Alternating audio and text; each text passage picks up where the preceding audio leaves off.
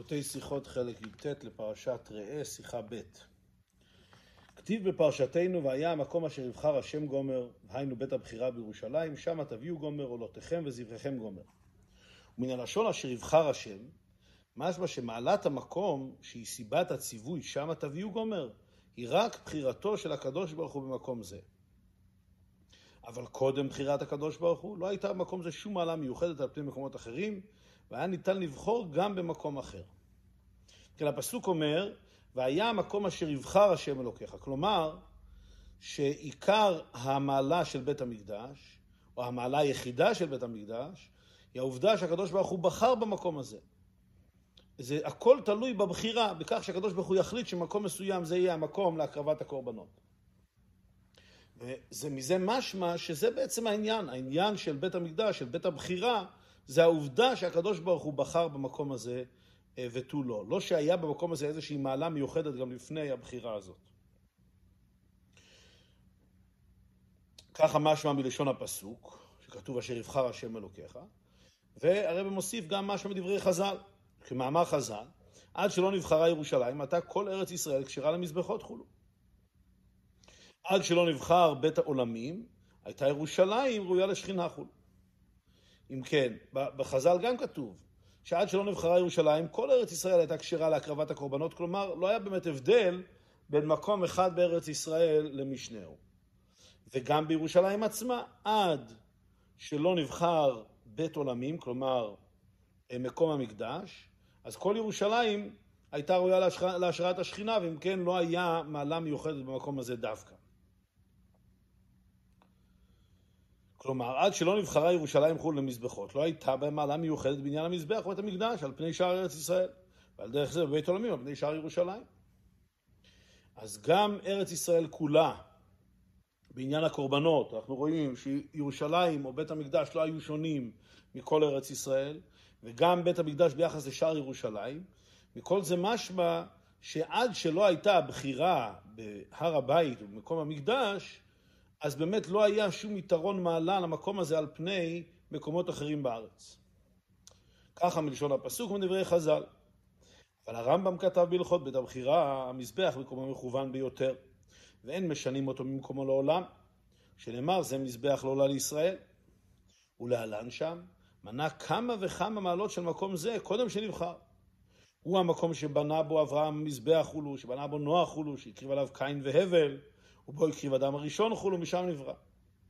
הרמב"ם אה, מתחיל בעניין המזבח, שהמזבח מקומו, מקומו מכוון ביותר, כלומר זה מקום מאוד מאוד מיוחד, אה, וזה חייב להיות במקום הזה.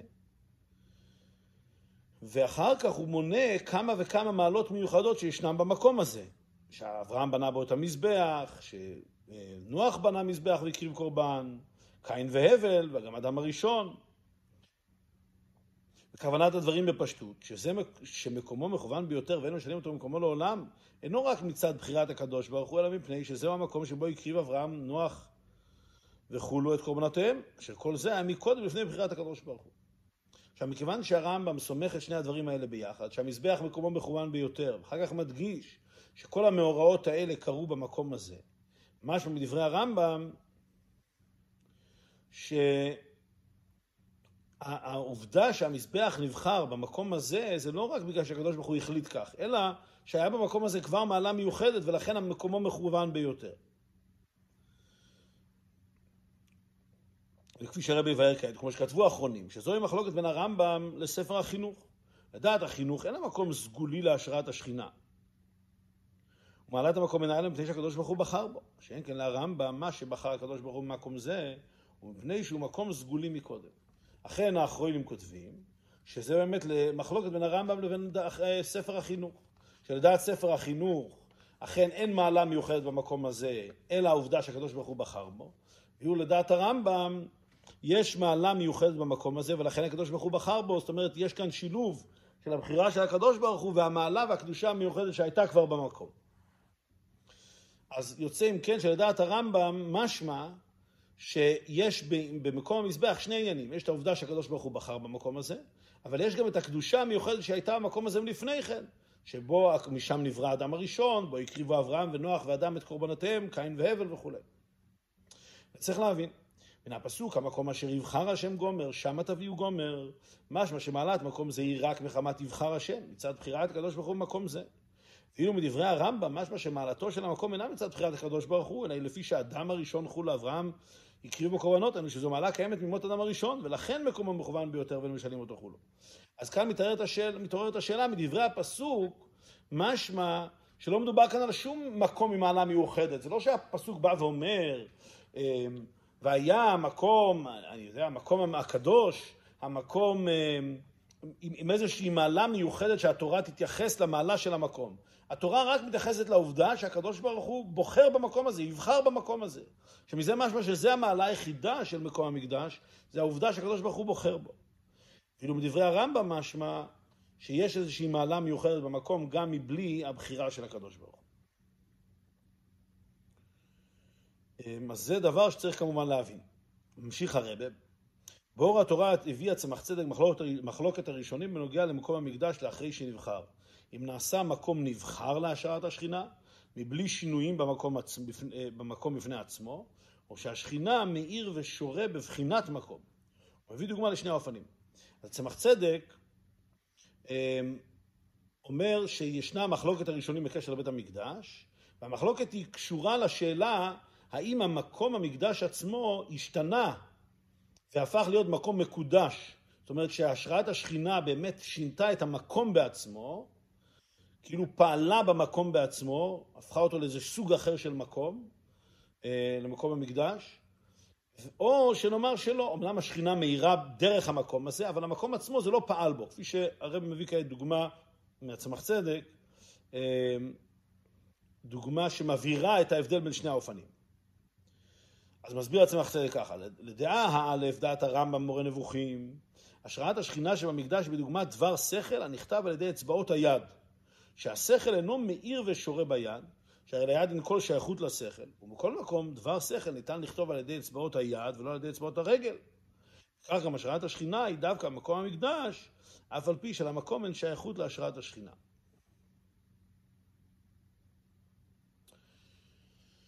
אם כן, הדוגמה לכך שישנה השראת השכינה במקום המקדש, אבל היא לא פועלת שינוי אמיתי במקום עצמו, זה הדוגמה מכתיבת דבר חוכמה. אדם יושב וכותב על ידי האצבעות דבר שכל, אז דבר השכל כביכול עובר דרך האצבעות על הכתב. מאיפה הגיע הדבר שכל מהמוח של האדם ל...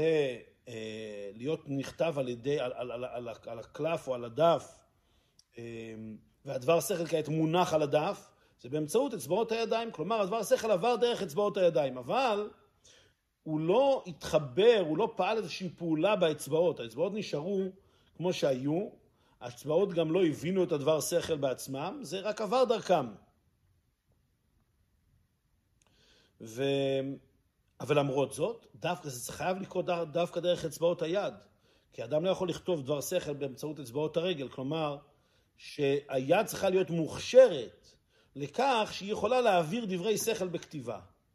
אז על דרך זה, אם ניקח את המשל הזה ונעביר את זה למקום המקדש, אנחנו רואים ככה, מקום המקדש הוא אכן מקום המוכשר, כיוון שהקדוש ברוך הוא בחר בו, או מאיזה סיבה, מאיזה סיבה שתהיה, זה מקום מוכשר להשראת השכינה, אבל לא שנאמר שהשראת השכינה שינתה או חלה במקום הזה בצורה כזאת, שזה ממש פעל על המקום בעצמו, שזה התחבר למקום בעצמו. לא, השראת השכינה היא כביכול עוברת דרך בית המקדש ודרך המקום המקדש.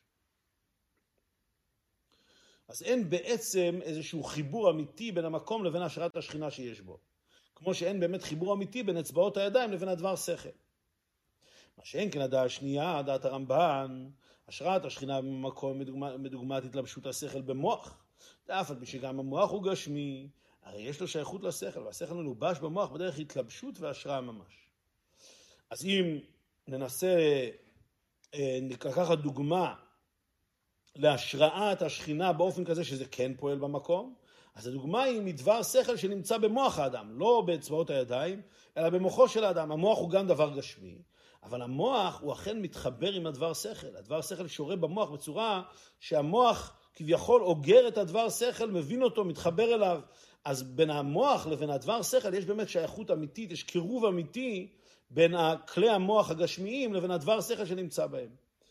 אז זה דוגמה לכך שהשראת השכינה תהיה בבית המקדש באופן כזה שהשכינה אכן כביכול מתחברת למקום ונוצר איזשהו חיבור וקישור בין המקום הגשמי לבין השכינה ששורה בו. אז אומר הצמח צדק, זה המחלוקת בין הרמב"ם במורה נבוכים לבין, ספר, לבין הרמב"ן. שלדעת הרמב"ם, השראת השכינה היא רק באופן של מעבר, כלומר אין חיבור אמיתי בין המקום עצמו לבין השכינה ששורה בו, ולדעת הרמב"ן, המקום עצמו מתחבר ומתקשר לשכינה ששורה בו, כמו שהמוח מתחבר לדבר השכל שנמצא בו. ולכאורה בית הפלוגתות הנ"ל תלויות זו בזו. השיטה שמקום המקדש והמזבח הוא מקום סגולי מצד עצמו, השראת השכינה בו היא דוגמת למשות השכל במוח. אבל השיטה שהוא לא מקום סגולי אלא מקום אשר יבחר השם בלבד, שבו מבחינת הקדוש ברוך הוא ותו לא, הנה השראת השכינה במקום בדוגמת השכל העובר דרך אצבעות היד. והרי בפשטות היה, היה נכון לחבר את שני המחלקות. מקודם למדנו מחלוקת בין הרמב"ם לספר החינוך, האם מקום המקדש הוא מקום סגולי, הוא מקום מיוחד, מקום שיש בו קדושה מיוחדת, ובנוסף לזה הקדוש ברוך הוא בחר בו, או שאין בו שום קדושה מיוחדת, זה רק העובדה שהקדוש ברוך הוא בחר בו.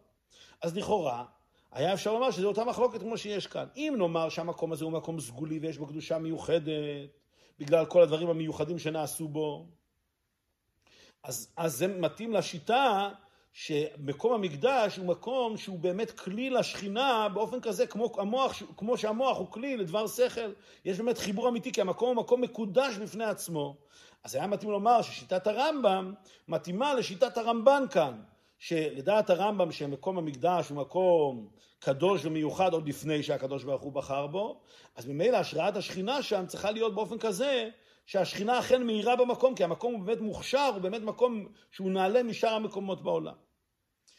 אבל אם נאמר כשיטת, אמ, אם נאמר כשיטת החינוך, שבמקום הזה אין קדושה מיוחדת מלפני כן, רק עצם העובדה שהקדוש ברוך הוא בחר בו, כלומר אין איזשהו כוח מיוחד או מעלה מיוחדת למקום הזה, רק שהקדוש ברוך הוא החליט ששם הולכת לשרות השכינה, אז זה לכאורה מאוד מתאים עם השיטה שאומרת שה... אה, השראת השכינה במקום היא לא פועלת שינוי במקום עצמו, אין איזשהו חיבור אמיתי בין השכינה לבין המקום בעצמו, מכיוון שהמקום עצמו הוא לא מקום מיוחד, אלא פשוט, הקדוש ברוך הוא בחר להשרות את שכינתו שם. אז לכאורה היה מאוד מסתבר לחבר בין שני המחלוקות האלה. אלא שכמובן זה קשה מאוד לומר כן, ועל פי זה צריך להבין איך תתאים שיטת הרמב"ם מלכות בית הבחירה עם שיטתו מורה מנבוכים. הבעיה היא שהרמב"ם יצא כאן מה שנקרא רכי ושתי עטרי רחשי, כאילו נמצא בשני אה, מקומות שונים.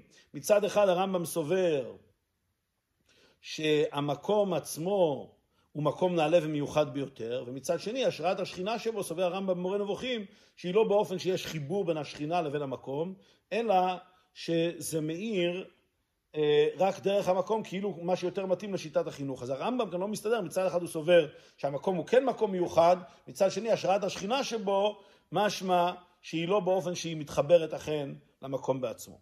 אז זה מה שצריך להבין כאן.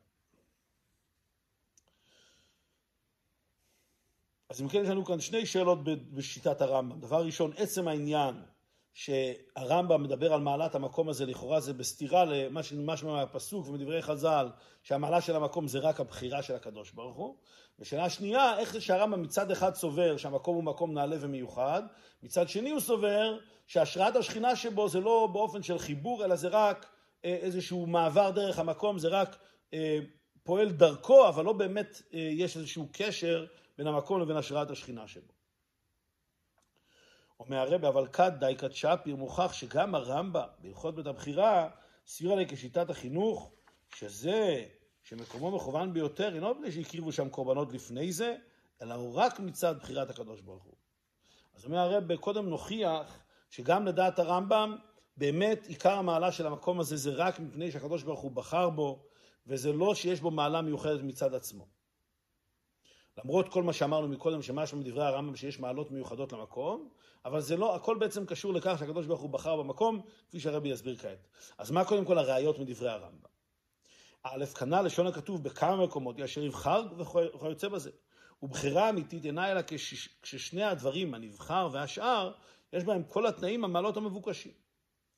דבר ראשון, פשוט המושג בחירה, היות והתורה מתייחסת כמה וכמה פעמים למקום הזה כמקום שהקדוש ברוך הוא בוחר בו, אילו המקום הזה היה באמת מקום נעלה יותר, מצד עצמו משאר המקומות בארץ, אז באמת לא שייך כאן העניין של בחירה. כידוע שבחירה אמיתית זה רק בין שני דברים שהם שווים, או לפחות שיש בהם את כל המעלות הנצרכות. אם יש מקום אחד שבו יש את כל המעלות, מקום אחר אין בו את המעלות, אז זה לא נחשב בחירה. ברור שלוקחים את המקום שיש בו את כל המעלות. זה כלל גדול בעניין הבחירה. אם הדבר הוא ברור וללא שום צורך בהבחנה שזה המקום המתאים יותר, זה לא נקרא שבחרנו, זה, זה דבר שכביכול אנחנו מוכרחים לעשות כן. אז אה, מכיוון שהתורה מתייחסת לזה בתור בחירה, משמע שבאמת לא יכול להיות איזה שהן מעלות מיוחדות ביחס לעניין הקורבנות במקום הזה, כי אז באמת אין בחירה אמיתית. זה ראיה ראשונה לכך שבאמת המעלה של מקום המקדש זה דווקא הבחירה שבו. זה עצם העובדה שהקדוש ברוך הוא בחר, ולא איזה מעלות מוקדמות שיש בו. ב', מפורש במאמר חז"ל הנ"ל שקודם הבחירה כל, כל ארץ ישראל כשרה למזבחות. כמובן הראיה הקודמת שהבאנו, שחז"ל גם אומרים שכל ארץ ישראל הייתה כשרה למזבחות, ואילו נאמר שהמקום הזה היה בו מעלות מיוחדות כבר גם לפני הבחירה, אז למה נקבע הכלל שכל ארץ ישראל כשרה למזבחות? היה צריך להיות דווקא במקום שהוא אכן הכי מתאים להקרבת קורבנות. מה פתאום שנאמר שכל ארץ ישראל כשרה באותה מידה להקרבת הקורבנות? נוסף לזה אומר הרבי, גם מדברי הרמב"ם עצמו, על פי זה יומתק מה שמנה הרמב"ם את כל המעלות הנ"ל בהלכה בפני עצמה, הלכה ב' בפרק ב', ואילו בהלכה הראשונה, שבה הדין המזבח במקומו מכוון ביותר ואין משנים חולו, הביא על זה את הפסוק זה מזבח לעולה לישראל שנאמר לאחר הבחירה. אומר הרב, זה גם משהו מדברי הרמב"ם בעצמו, כי דבר ראשון בהלכה א', בפרק ב' הלכה א', פותח הרמב"ם בכך שהמזבח מקומו מכוון ביותר, והוא מביא על כך פסוק שכתוב זה מזבח לעולה לישראל. וזהו, רק בהלכה הבאה הוא מונה את המעלות המיוחדות של המקום. שמזה משמע שזה לא שהמקום נבחר בגלל המעלות המיוחדות שבו, קודם כל זה מקום המזבח, מקומו מכוון ביותר. אחר כך מונים בפני עצמו, מונים את המעלות שיש בו. אבל זה לא עניין, עיקר עניין, עניינו של המקום.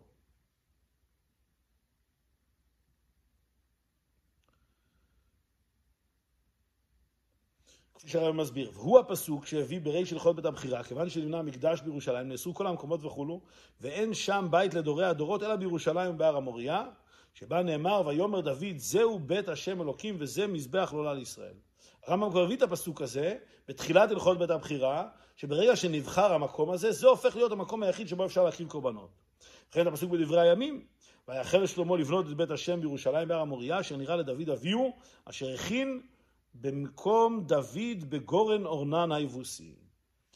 אז שוב פעם עוד פסוק שה... שהמזבח ובית המקדש נבנה דווקא במקום המסוים הזה אשר נראה לדוד אביהו. כפי שהרבא מסביר, כלומר, שהטעם שמקומו מכוון ביותר ואלה משנים חול אינו מצד המעלות שעתיד הרמב"ם למנות בהלכה של אחרי זה, אלא מצד הכתובים, זה מזבח עולה לישראל וכן ויחל משה גומר, העוסקים בזמן של אחרי בחירת הקדוש ברוך הוא. הרמב"ם מביא את הפסוקים האלה, כלומר הוא לא מביא את המעלות שיש במקום, אלא הוא מביא את הפסוקים כראיה לכך שהקדוש ברוך הוא בחר במקום. אז גם מדברי הרמב"ם משמע שעיקר המעלה של המקום זה העובדה שהקדוש ברוך הוא בחר בו. ועוד ראיה מדברי הרמב"ם כאן בסוגריים, ועל פי זה יובן מה שהביא הרמב"ם, גם את סיום הכתוב, ויחל לשלמה גומר, אשר נראה לדוד אביהו, אשר הכין במקום דוד בגור ננה היבוסי. ולכאורה, כיוון שכוונתו להביא ראיה שהמקום בירושלים בהר המוריה, דיו שיביא רישא דקרא, ויחל לשלמה לבנות את בית השם בירושלים בהר המוריה. ובמה שייך לכאן סיום הכתוב אשר נראה לדוד אביהו אשר הכין במקום דוד בגור ננה היבוסי. אומר הרב, עוד דבר צריך להבין בדברי הרמב"ם. הרמב"ם רוצה לומר שנבחר דווקא מקום המקדש בירושלים, בהר המוריה. אז לכאורה מספיק היה שהרמב"ם מביא את הפסוק אה, ויאמר דוד זהו בית השם, אה, סליחה, ויחל לשלמה לבנות את בית השם בירושלים בהר המוריה. מזה רואים שהקדוש, ששלמה המלך בנה את בית המקדש על פי בחירת הקדוש ברוך הוא בהר המוריה. למה הוא צריך להוסיף את המילים אשר נראה לדוד אביהו אשר הכין במקום דוד? מה, מה ההדגשה כאן אשר נראה לדוד אביהו? למה הוא מוסיף את המשך הפסוק? אומר הרב, ועל פי הנ"ל יש לומר, בזה רמז הרמב"ם, שאין משנים אותו ממקומו, ויחד משנים את בית השם בירושלים, ומצד אשר נראה לדוד אביהו בחירת הקדוש ברוך הוא. ואילו קודם בחירה זו, אין שום מעלה מיוחדת במקום זה על פני מקומות אחרים. והרי הוא בגורן אורנן היבוסי.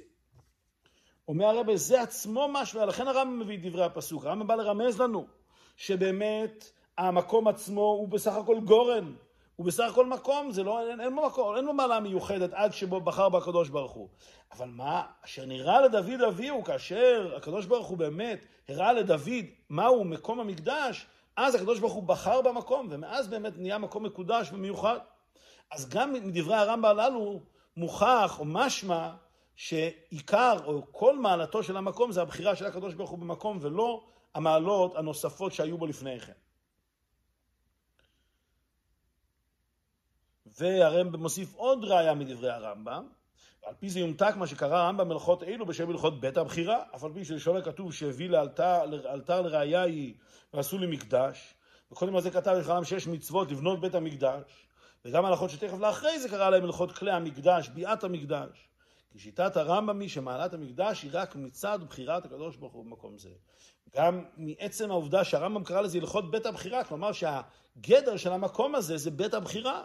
אז גם מזה משמע שהרמב"ם סובר שמעלת המקדש היא רק מצד בחירת הקדוש ברוך הוא במקום זה. אז אם כן, לסיכום, יש לנו כמה וכמה ראיות שברור שגם לדעת הרמב"ם, המעלה של מקום המקדש זה דווקא הבחירה אה, במקום הזה.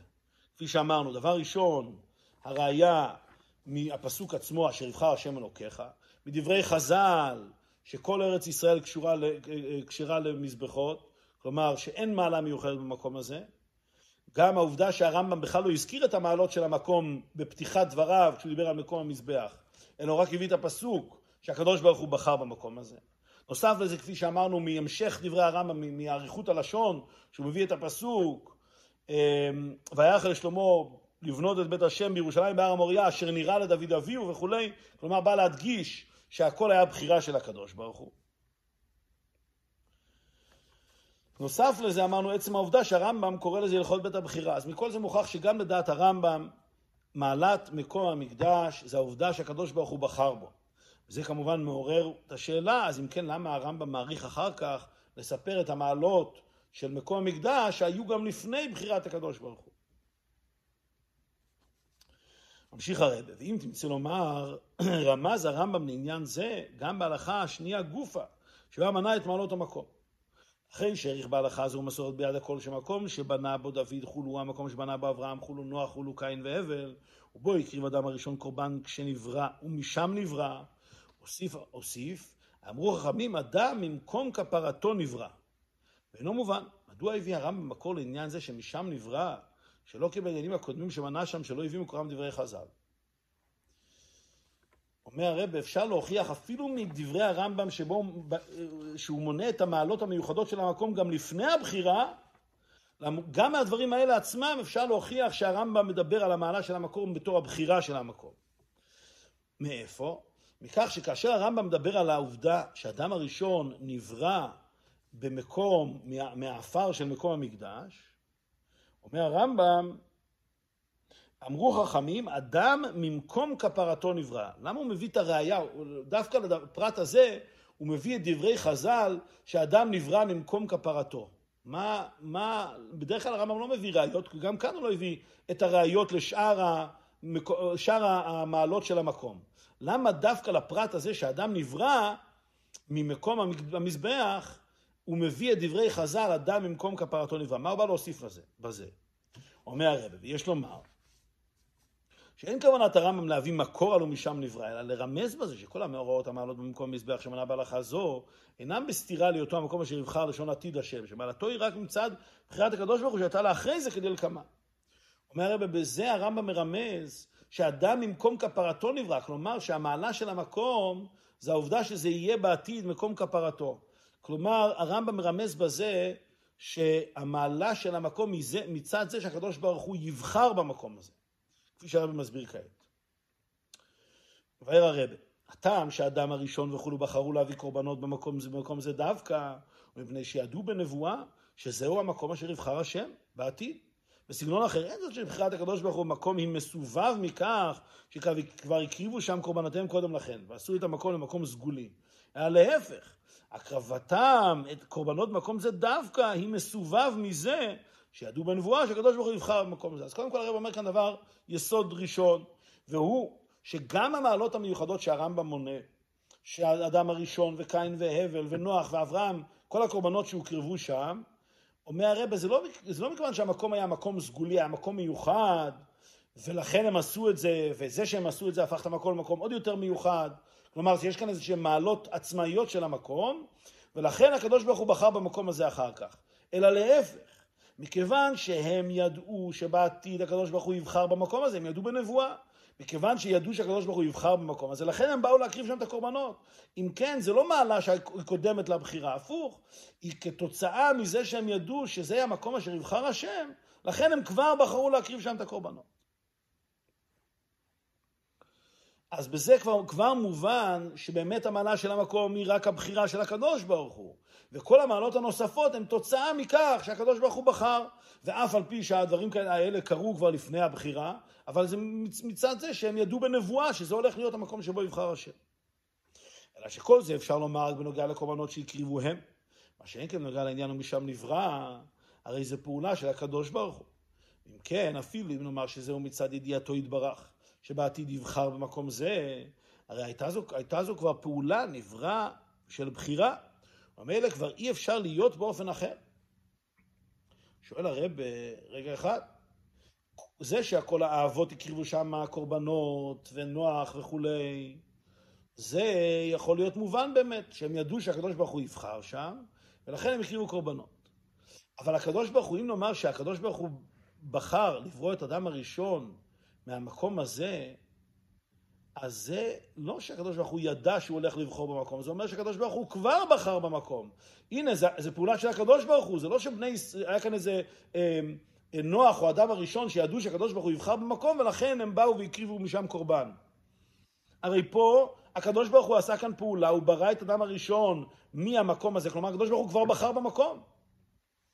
אז אם כן, איך אפשר לומר המקום אשר יבחר השם, אם, אם הקדוש ברוך הוא כבר ברא את האדם הראשון דווקא מהמקום הזה כי הוא כבר בחר בו? כפי שהרב מביא כאן ראיה מעניינת. ומכל שכן מהביור הידוע בעניין צדיק ורשע לא כאמר. שאילו הייתה הידיעה שלמעלה באה לידי דיבור, היה דבר מכריח את האדם להתנהג כפי את ידו יתברך. ועל אחת כמה וכמה בנדון דידן, שהידיעה הייתה פעולה מלמעלה. אומר הרב, מבואר בחסידות, למה כתוב שהקדוש ברוך הוא אה, מחליט כל דבר לגבי האדם, אבל דבר היחיד שהוא לא מחליט, צדיק ורשע לא כאמר, הוא לא מחליט אם הוא יהיה צדיק או רשע. לכאורה, הקדוש ברוך הוא יודע אם האדם יהיה צדיק או רשע. אז מה, מה הכוונה שאנחנו אומרים צדיק ורשע לא כאמר? אז מבואר על זה בחסידות. שיש הבדל בין ידיעה לבין אמירה. זה שהקדוש ברוך הוא יודע אם האדם יהיה צדיק או רשע, זה ידיעה של הקדוש ברוך הוא שהיא למעלה מהעולם, היא לא פועלת שום דבר והיא לא אה, מונעת את הבחירה מן האדם. האדם יש לו בחירה, הקדוש ברוך הוא יודע מה הוא יבחר, זה עסק של הקדוש ברוך הוא. זה לא קשור לאדם, לזה שום השפעה על האדם. זה, הקדוש ברוך הוא יודע בדרכים שלו. אבל האדם יש לו בחירה מוחלטת. אבל אילו הקדוש ברוך הוא היה אומר, צדיק ורשע לא כאמר, אילו היה אומר זה יהיה צדיק וזה יהיה רשע, אז כבר זה לא, לא הייתה ניתנת לאדם הבחירה. כי מכיוון שזה כבר נאמר, אז האדם מרגיש את העובדה שזה נאמר, בין אם הוא מרגיש את זה בצורה מודעת או לא מודעת, אבל זה כבר היה פועל עליו באופן ישיר. ולכן צדיק ורשע לא קמה, הקדוש ברוך הוא יודע אם הוא יהיה צדיק ורשע, אבל הוא לא אומר בשביל שלא למנוע מהאדם את הבחירה. אז על דרך זה כאן ועוד יותר. כאן, אילו הקדוש ברוך הוא לא היה עושה שום פעולה לבחור במקום, אז אפילו אם הוא יודע שהוא יבחר במקום הזה, אבל עדיין המקום לא נבחר. אבל ברגע שהקדוש ברוך הוא עושה פעולה והוא בורא את האדם הראשון, דווקא מהמקום הזה, אז, אז הוא כבר בחר במקום, הוא כבר עשה פעולה ש, שמורה על בחירתו במקום. אז כבר אין בחירה בעתיד. לכן הוסיף הרמב"ם, רוח חמים אדם ממקום כפרתו נברא. היינו שהעניין הוא משב נברא, הוא לא כעניינים שהזכיר לאלה קורבנות שהקריבו חולו במקום זה, שהיו מפני שבעתיד יהיה זה המקום אשר יבחר השם, אלא שזה מפני מקום כפרתו. המקום שבחר אדם הראשון להביא בו קורבנו.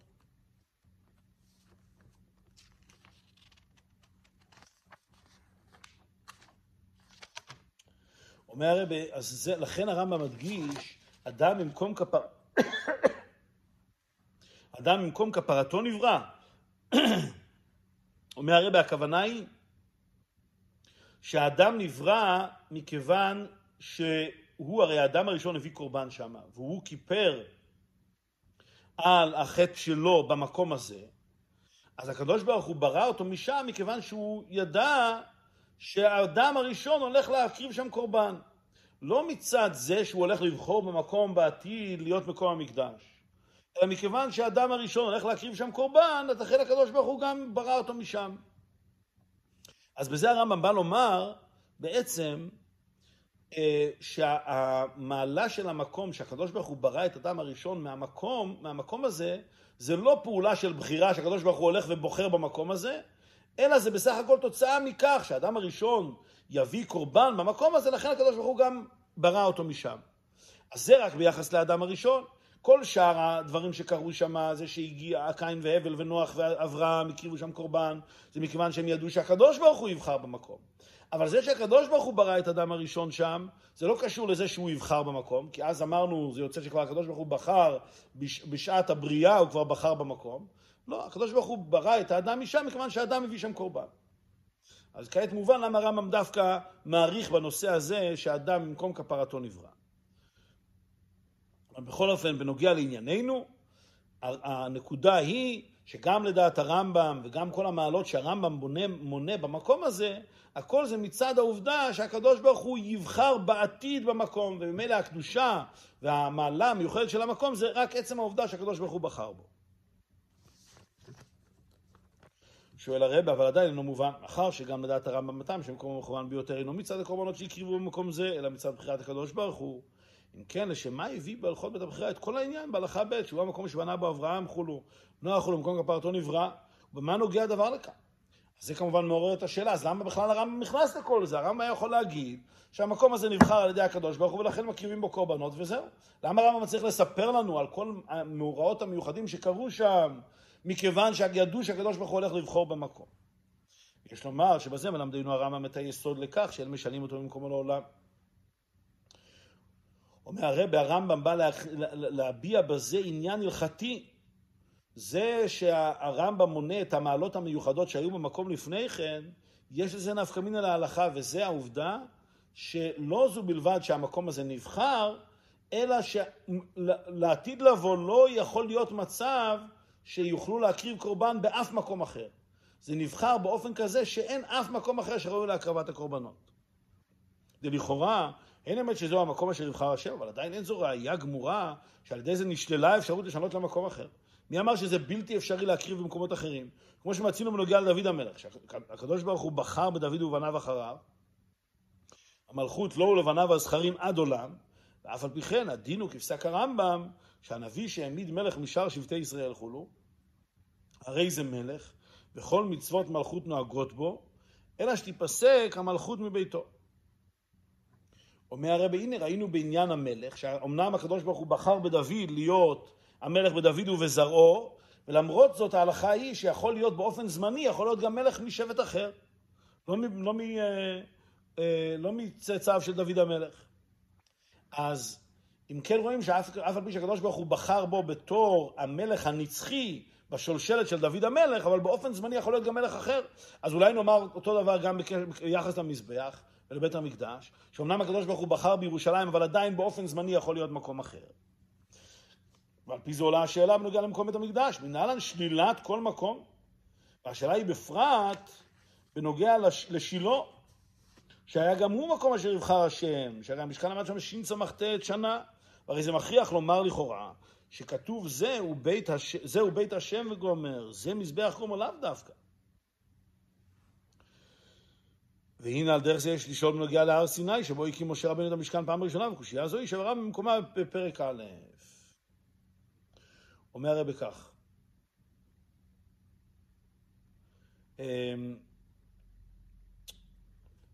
לכאורה, אז היינו יכולים לשאול כשם שמצינו ביחס למלך, שאף על פי שהקדוש ברוך הוא בחר בדוד, ולמרות זאת אה, יכול להיות באופן זמני מלך משבט אחר, אז אולי גם בנוגע לירושלים, אף פי שהקדוש ברוך הוא בחר בירושלים, עדיין יהיה אפשר להקריב קורבן במקום אחר, כמו בשילה שבו עמד המזבח כבר במשך מאות בשנים, או בהר סיני שבו נבנה המשכן והקריבו קורבנות, אולי במקומות האלה גם כן עדיין יהיה אפשר להקריב קורבן. אז מה הסיבה לשלילת כל המקומות האחרים?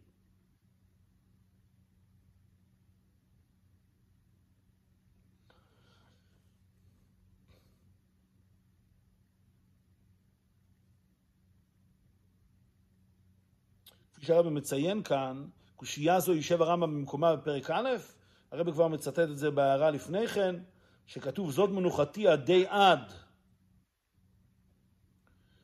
אמ, כאשר כתוב זאת מנוחתי עדי עד, זה בא לומר שלעולם ועד לא יהיה מקום אחר. זה הפירוש זאת מנוחתי, רק זאת, רק המקום הזה. ועל דרך זה כאן. לכן הביא הרמב"ם ראיה שבנידון זה הייתה הבחירה באופן השולל למקומות אחרים, שמטעם זה בנו אדם הראשון וכולו מזבחותיהם במקום זה דווקא, אם בחירת הקדוש ברוך הוא לא שללה מקומות אחרים, למה דייקו כל אלה להביא קורבנותיהם רק במקום המכוון שבהר המוריה עצמו? אילו באמת הקדוש ברוך הוא לא היה שולל מקומות אחרים, אז לא היינו מוצאים שגדולי האומה, גדולי העולם בדורות הקדמונים היו מחפשים דווקא ללכת להר המוריה. כי הרי ישנם עוד מקומות, יש הר סיני, ויש אמ, שילה, ויש כל מיני מקומות נפלאים שאפשר להקריב שם קורבנות. מזה שהם בחרו דווקא ללכת להר המוריה, זה עצמו גוף הראייה שזה המקום היחיד. לכן הרמב"ם מציין את המעלה המיוחדת של המקום, שבו דווקא הקריבו קורבנות אדם וקין והבל, ונוח ואברהם, מכיוון שזה המקום היחיד. אז בזה מרמז הרמב"ם את העובדה שלא זו בלבד שהקדוש ברוך הוא בחר במקום, אלא שבבחירת המקום הזה נשללו כל שאר המקומות, ולכן טרחו כל גדולי העולם להקריב דווקא שם. ומשהו מזה שמצד בחירת הקדוש ברוך הוא נשללו מקומות אחרים, ומילא הבא להקריב קורבן במקום מסוים על שם העתיד, הרי זה רק במקומו מכוון ביותר בהר המוריה עצמו. אז אם כן מובן כעת גם למה הרמב"ם יכול לסבור אה, שהמקום המקדש הוא מקום מיוחד ויש בו מעלות מיוחדות, אבל כל המעלות המיוחדות שיש במקום הן לא מעלות עצמאיות מצד עצמו, הכל זה תוצאה מכך שהקדוש ברוך הוא בוחר במקום, ולכן זה נקרא בית הבחירה, וממילא הכל אין סתירה בדעת הרמב"ם, בכך שהוא מביא את המעלה של המקום, הוא לא סותר את העובדה שהוא סובר שהכל הוא תוצאה מהבחירה, ולכן השכינה שורה באופן שהיא עוברת דרך המקום, כי הכל זה רק תוצאה של הבחירה, אין בו מעלות מיוחדות, כי גם לדעת הרמב"ם, שהוא מונה את כל המעלות של, המעלות של המקום, הכל זה רק תוצאה מכך שאנחנו, שהם ידעו שהמקום הזה יהיה המקום אשר יבחר השם. כן, מובנים דברי הרמב"ם. הוסיף הרב כעת בפנימיות העניינים. פנימיות העניינים יש לבאר ובהקדים מה שנדבר במקום אחר אודות שני העניינים דבחירה וקדושה. וכאן נזכר לאלה שבנוגע למקדש, הזכיר הרמב"ם שני תוארים אלו, הלכות בית הבחירה וכן הלכות כלי המקדש, הלכות בית המקדש ועוד, שבכל אחד מהם ישנה מעלה ביחס לחברו. אומר הרב, בפנימיות העניינים צריך קודם להבין את ההבדל ואת הייחוד שיש בעניין הבחירה ואת הייחוד שיש בעניין הקדושה. שאכן בנוגע לבית המקדש אנחנו מוצאים את שני העניינים האלה, גם בדברי הרמב"ם. מצד אחד זה בית הבחירה, מצד שני הרמב"ם קורא לזה ועשו, מביא, מביא את לשון הפסוק ועשו לי מקדש, הלכות ביאת המקדש, כלי המקדש. אז מצד אחד זה נקרא בית הבחירה, מצד שני זה נקרא מקדש. שזה קדושה ובחירה. מה ההבדל בין שני העניינים האלה? מבאר הרבי, כאשר נאמר על דבר מסוים שהוא קדוש, הרי זה מורה שהקדושה חדרה אל תוכו והתאחדה עמו. ולכן הקדושה היא תוארו של הדבר, שהוא קדוש. אבל לאידך, מאחר שהקדושה קשורה אל הדבר, והדבר הוא מוגבל, נמצא שגם הקדושה היא מוגבלת לפי הגבלות הדבר. וכן הוא בנוגע למקום.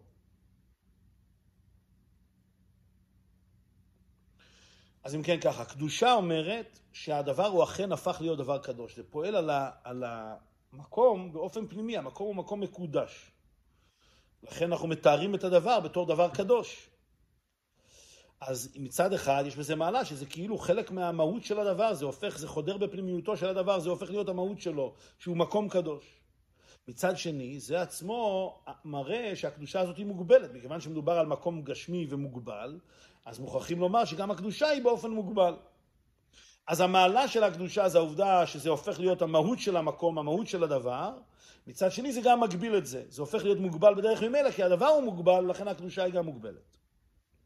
מה שאין כן בחירה אינה מצד הנבחר, אלא מצד הבוחר, שכך, שכך הוא בחר בענייננו, המקום אשר יבחר השם, כאשר הקדוש ברוך הוא בוחר במקום, מקבל לו מעלה וקדושה בלתי מוגבלת, שהקדוש ברוך הוא בלי גבול. אבל לאידך, מאחר שמעלתו וקדושתו היא מצד הבוחר, אין זה קו שלו, ולאחרי זה צריכה לבוא עבודת עצמו כדי שלמעלה זאת תהיה חדורה בכל כולו. כאשר מדברים על בחירה לעומת זאת, בחירה בכלל לא קשורה למעלה של, למעלה של המקום, זה לא הופך להיות המהות של הדבר, שהוא הפך להיות הדבר הנבחר שמשהו השתנה במהות שלו. בחירה הכוונה היא שהקדוש ברוך הוא בחר בו. אז זה מצד הקדוש ברוך הוא, זה לא מצד המעלה של המקום. מכיוון שזה מצד הבחירה של הקדוש ברוך הוא, לכן זה לגמרי לא מוגבל. הקדוש ברוך הוא זה שבחר, יש בזה את כל התוקף ואת כל הכוח הבלתי מוגבל של הקדוש ברוך הוא, שהוא החליט לבחור במקום, כי זה הכל, הכל בא מצד הבוחר, ולא מצד המקום עצמו. ולכן, מצד אחד זה לא פועל במקום עצמו, זה לא שכאן השתנתה המהות של המקום ברגע שהקדוש ברוך הוא בחר בו. אם הקדוש ברוך הוא קידש את המקום, אז המהות של המקום הפכה להיות קדושה, הוא משנה את המהות של הדבר. אם הקדוש ברוך הוא בוחר במקום, זה לא משנה את המהות של המקום, זה רק העובדה שהקדוש ברוך הוא בחר בו. אז אמנם זה לא משנה את המהות, אבל מצד שני הבחירה היא בחירה בלתי גבולית, מכיוון שהיא מגיעה מצד הקדוש ברוך הוא שהוא בלתי מוגבל. אז לכן צריך להיות פה שילוב. מצד אחד שהקדוש ברוך הוא בוחר, ואז יש כאן בחירה בלתי מוגבלת, כאן איזשהו אה, המשכה של כוח עליון בלתי מוגבל, מצד שני צריך גם שתהיה קדושה, כלומר שהמקום מצד עצמו גם יתרומם ויתעלה אה, לפי הכלים שלו. וזהו שביאר הרמב"ם בית הלכות הנ"ל בנוגע למקום המזבח. בהלכה א' שבה כתב המזבח מקום המכוון ביותר ואין משנים אותו ממקומו לעולם. דבר המורה על נצחיותו בלי הגבלה של המקום. הרי זה עניין שאינו יכול להיות נפעל מצד בני אדם ומצד המקום, אלא רק מצד בחירת הקדוש ברוך הוא, שלמעלה ממידה והגבלה. ועל זה הביא איתם כתוב שלאחרי הבחירה זה מזבח לא לישראל. אז זה, זה שני הלכות בדברי הרמב"ם. ההלכה הראשונה בפרק ב' אומרת שהקדוש ברוך הוא בחר במקום, וממילא המקום אה, הוא, הוא אה, מכוון ביותר, וזה מקומו לעולם. יש כאן בחירה של הקדוש ברוך הוא שהיא למעלה מכל הגבלה של זמן, ולכן זה חייב להישאר בנקודה הזאת. אז זה הבחירה של הקדוש ברוך הוא, וזה מדגיש כאן את ה... את העניין הבלתי גבולי של הבחירה. ולאחר שלאחרי זה הוסיפה שגם לפני בחירת הקדוש ברוך הוא יש במקום קדושה מוגבלת, מאחר שמקום זה הביאו האדם הראשון וכל קורבנותיהם ומשם נברא. בהלכה השנייה הוא מדבר על המעלה המיוחדת של המקום, אמנם כתוצאה מזה שידעו שהקדוש ברוך הוא יבחר במקום, אבל בפועל פעלו בו איזושהי קדושה, בני ישראל פעלו במקום הזה, ואם כן, יש כאן גם עניין של קדושה ומעלה של המקום, גם כתוצאה מעבודתו, מעבודת בני ישראל, או מעבודת האדם במקום הזה, ולא רק מצד בחירת הקדוש ברוך הוא. נמצא שלמקום הזה בית המעלות. ועל פי זה גם אין סתירה בין הלכות בית הבחירה למורה נבוכים. מה שמדבריו בהלכות הבחירה נמצא שמקום המקדש והמזבח הוא מקום סגולי על השכת השכינה, הרי זה רק לגבי הקדושה המוגבלת, שמעשה בני אדם יכול לפעול. מה שאין כן לגבי בחירת הקדוש ברוך הוא שהיא בלתי מוגבלת, מבאר הרב מורה נבוכים שהמקום אינו כלי, המעלה נמצאת בו רק כדרך מעביר, אבל אינו שורה ומתלבשת בו. אומר רבי, כעת נבין יותר טוב גם למה אין סתירה בדברי הרמב"ם. מצד אחד הרמב"ם במורה נבוכים אומר שאין אין מעלה מיוחדת במקום, זה רק דרך מעבר כפי שאמרנו, שלדעת הרמב"ם זה כמו דבר שכל שעובר דרך אצבעות היד, שאין בעצם חיבור בין הדבר שכל לבין אצבעות היד, ואם כן גם כאן אין חיבור אמיתי בין הקדושה של המקדש והמקום עצמו. אומר הרב זה ביחס לבחירה של הקדוש ברוך הוא, נכון, אכן הבחירה של הקדוש ברוך הוא היא בלתי מוגבלת, והיא רק עוברת דרך המקום, אין בעצם, אין לה השפעה ישירה על המקום בעצמו, כי הבחירה היא בלתי מוגבלת והמקום הוא מוגבל. אז ביחס לבחירה, אומר הרמב"ם באמת, שאין למקום הזה שום מעלה מיוחדת, כי זה רק העובדה שהקדוש ברוך הוא בחר בו. אבל ביחס לקדושה של המקום, בוודאי שיכול להיות למקום מעלה מיוחדת, זה עניין הקדושה שיש בו. אז המקום יכול להיות בקדושה מצד עצמו, וקדושה מוגבלת שהיא חודרת במקום בעצמו בכל התוקף, וזה יכול להידמות לדבר שכל שנמצא במוח ושורה במוח, יש קדושה במקום המקדש, אבל הבחירה של הקדוש ברוך הוא לעומת זאת היא לא דבר ששורה במקום, זה רק העובדה שהקדוש ברוך הוא בחר בו. שאין כן הרבן סביר עלי, שמצד כוחו יתברך הכל יכול, בפרט לאחרי הבחירה, נעשית גם הקדושה בלי גבול ומתלבש במקום. הרמב"ן לעומת זאת סובר, שאפילו הבחירה של הקדוש ברוך הוא היא גם כן מתלבשת במקום. ברגע שהקדוש ברוך הוא בחר במקום, אז גם המעלה הבלתי גבולית הזאת, גם היא עצמה חודרת במקום הזה עצמו, מכיוון שהקדוש ברוך הוא כל יכול.